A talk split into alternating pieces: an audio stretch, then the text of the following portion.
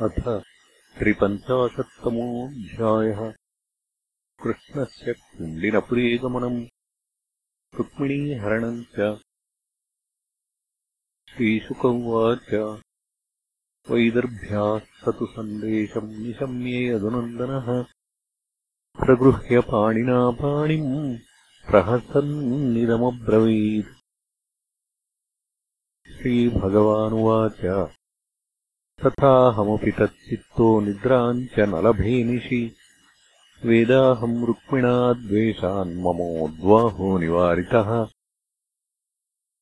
तामानयिष्य उन्मथ्य राजन्यापसदान्मृधे मत्परामनवद्याङ्गी मेधसोऽग्निशिखामिव श्रीशुक उवाच उद्वाहर्क्षम् च विज्ञाय रुक्मिण्या मधुसूदनः कथम् संयुज्यतामाशु दारुकेत्याह सारथिम्। स चाश्वैः शैव्यसुग्रीवमेघपुष्पवलाहकैः युक्तम् रथमुपानीय तस्थौ प्राञ्जलिरग्रतः। आरुह्यस्यन्दनम् शौरिर्द्विजमारोप्य तूर्णगैः आनत्तादेकरात्रेण विदर्भानगमद्धयैः राजा सकुण्डिनपतिः पुत्रस्नेहवशम् गतः शिशुपालाय स्वाम् कन्याम् दास्यन् कर्माण्यकारयत्। पुरम् संमृष्टसंसिक्तमार्गरथ्याम् चतुष्पथम् चित्रध्वजपताकाभिस्तोरणैः समलङ्कृतम् सद्गन्धमाल्याभरणैर्विरजोऽम्बरभूषितैः दुष्टम् स्त्रीपुरुषैः श्रीमद्गृहैरगुरुधूपितैः पितॄन् देवान् समभ्यर्च्य विप्रांश्च विधिवन् नृप। भोजयित्वा यथा न्यायम् वाचयामासमङ्गलम्।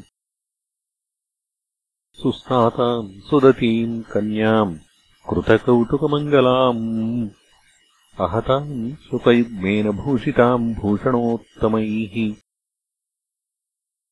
चक्रुः सामर्ग्यदुर्मन्त्रैर्वध्वारक्षाम् द्विजोत्तमाः पुरोहितोऽथर्वविद्वै जुहावग्रहशान्तये। हिरण्यरूप्यवासांसि तिलांश्च गुडमिश्रितान् पादाद्धेनूश्च विप्रेभ्यो राजा विधिविदाम्बरः। एवम् चेदिपती राजा दमघोषः वै कारयामासमन्त्रज्ञैः सर्वमभ्युदयोचितम्। मदच्युद्भिर्गजानीकैः स्यन्दनैः हेममारिभिः सत्यश्वसङ्कुरैः सैन्यैः परीतः कुण्डिनम् ययौ। तम् वै विदर्भाधिपतिः समभ्येत्याभिपूज्य च। निवेशयामास मुदा कल्पितान्यनिवेशने तत्र साल्वो जरासन्धो दन्तवक्त्रो विदूरथः आजग्मुश्चैद्यपक्षीया पौण्ड्रकाद्याः सहस्रशः कृष्णरामद्विषो यत्ताः कन्याम् चैद्याय साधितुम् यद्यागत्य हरेत् कृष्णो रामाद्यैर्यदुभिर्वृतः योक्ष्यामः संहतास्तेन इति निश्चितमानसाः। आजग्मद्भूभुजः सर्वे समग्रबलवाहनाः। श्रुत्वैतद्भगवान् रामो विपक्षीयनृपोद्यमम् कृष्णम् चैकम् गतम् हर्तुम् कन्याम् कलहशङ्कितः बलेन महता साद्धम् भ्रातृस्नेहपरिप्लुतः त्वरितः कुण्डिनम् प्रागाद्गजाश्वरथपतिभिः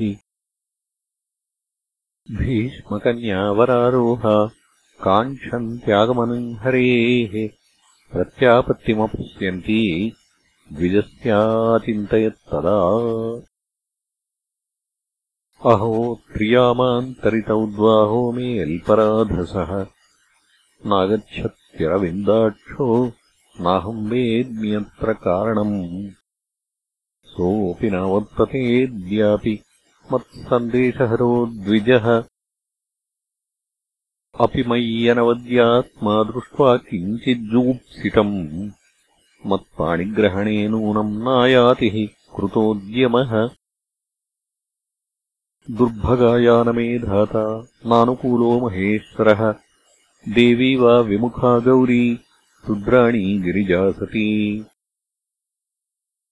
एवम् चिन्तयति बाला गोविन्दहृतमानसा। न्यमीलयतकालज्ञानेत्रे च अश्रुकलाकुले एवम् बद्ध्वा प्रतीक्षन्त्याः गोविन्दागमनम् नृप। वामौरुर्भुजो नेत्रमस्फुरन् प्रियभाषिणः। अथ कृष्णविनिर्दिष्टः। स एव द्विजसत्तमः। अन्तःपुरचरीम् देवीम् राजपुत्रीम् ददर्शः। सा तम् प्रहृष्टवदनमव्यग्रात्मगतिम् सती आलक्ष्यलक्षणाभिज्ञा समपृच्छच्छुचिस्मिता।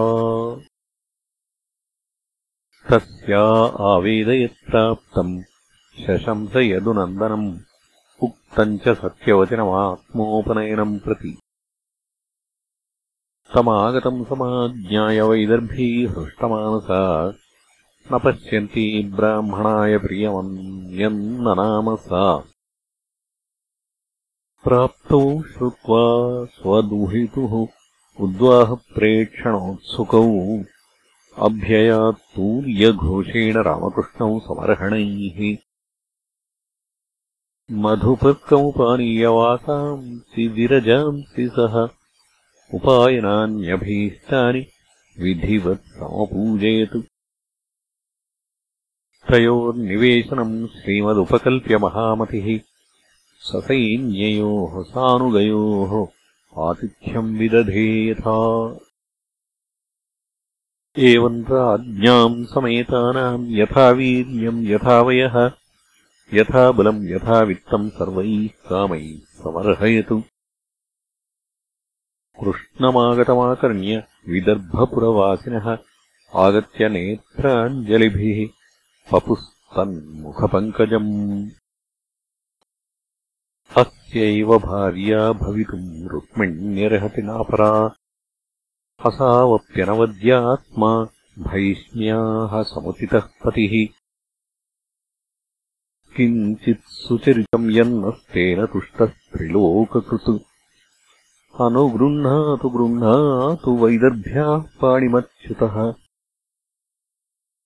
एवम् प्रेमकलाबद्धा वदन्ति स्म पुरोकसः कन्याचान्तः प्रागाद्भटैर्गुप्ताम्बिकालयम् पद्भ्याम् विनिर्ययौ द्रष्टुम् भवान्याः पादपल्लवम्। सा चानुध्यायती सम्यम् मुकुन्दचरणाम्बुजम्। यथवाक् मातृभिः सार्धम् सखीभिः परिवारिता। गुप्ता राजभटैः शूरैः सन्नद्धैरुद्यतायुधैः मृदङ्गशङ्खपणवास्तूर्यभेद्यश्च जघ्निरे। नानोपहारबलिभिः वारमुख्याः सहस्रशः स्रग्गन्धवस्त्राभरणे द्विजपत्न्यः स्वलङ्कृताः गायन्तश्च स्तुवन्तश्च गायका वाद्यवादका परिवार्यवधूम् जग्मुः सूतमागधवन्दिनः। आसाद्यदेवी सदनम् धौतपादकराम्बुजा उपस्पृश्य शुचिः शान्ता प्रविवेशाम्बिकान्तिकम्। ताम् वै प्रवयसो बालाम् विधिज्ञा विप्रयोषितः। भवानीम् वन्दयाञ्चक्रुः भवान्विताम्। नमस्ये त्वाम्बिके भीक्ष्णम्। स्वसन्तानयुताम् शिवाम्। भूयात्पतिर्मे भगवान्। कृष्णस्तदनुमोदताम्। अद्भिर्गन्धाक्षतैर्धूपैः वासस्तङ्माल्यभूषणैः नानोपहारबलिभिः प्रदीपावलिभिः पृथक् विप्रस्त्रियः पतिपती। तथा तैः समपूजेत् लवणापूपताम्बूलकण्ठसूत्रफलेक्षुभिः तस्यै स्त्रियस्ताः प्रददुः। शेषाम् युयुजुराशिषः। ताभ्यो देव्यै नमश्चक्रे। शेषाम् च जगृहे वधूः मुनिव्रतमथ त्यक्त्वा निश्चक्रामाम्बिकागृहात् प्रगृह्यपाणिना भृत्याम् रत्नमुद्रोपशोभिना। ताम् देवमायामिव वीरमोहिनीम् सुमध्यमाम् कुण्डलमण्डितार्णाम् श्यामाम् नितम्बार्पितरत्नमेखलाम् व्यञ्जत्स्तनीम् कुन्तलशङ्कितेक्षणाम् शुचिस्मिताम् बिम्बफलाधरद्युतिशोणायमानद्विजकुन्दकुड्मलाम् पदाचलन्तीम् कलहंसगामिनीम् शिञ्जत्कलानूपुरधामशोभिना विलोक्यवीरा मुमुहुः समागताः यशस्विनस्तत्कृतहृच्छयार्दिताः। याम् वीक्ष्यते नृपतयस्तदुदारहासव्रीडावलोकहृतचेतस उज्झितास्त्राः पेतुः क्षितौ रथगजाश्वगता विमूढाः। यात्राच्छलेन हरयेत्पयतीम् स्वशोभाम्। सैवम् शनैश्चलयती चलपद्मकोशौ। प्राप्तिम् तदा भगवतः प्रथमेक्षमाणा उत्सार्यवामकरदैरलकानपाङ्गैः प्राप्तान् ह्रियैक्षतनृपान् ददृशेत् सा।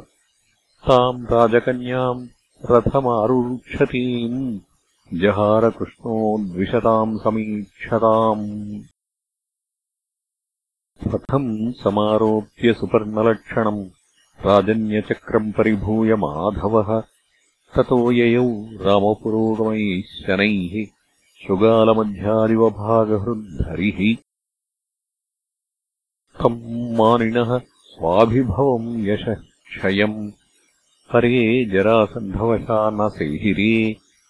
अहोऽधिगस्मान् यश आत्तधन्वनाम् गोपैर्हृतम् केसरिणाम् मृगैरिव। इति श्रीमद्भागवते महापुराणे पारमहंस्याम् संहितायाम् दशमस्कन्धे उत्तरार्धे रुक्मिणीहरणम् नाम त्रिपञ्चाशत्तमोऽध्यायः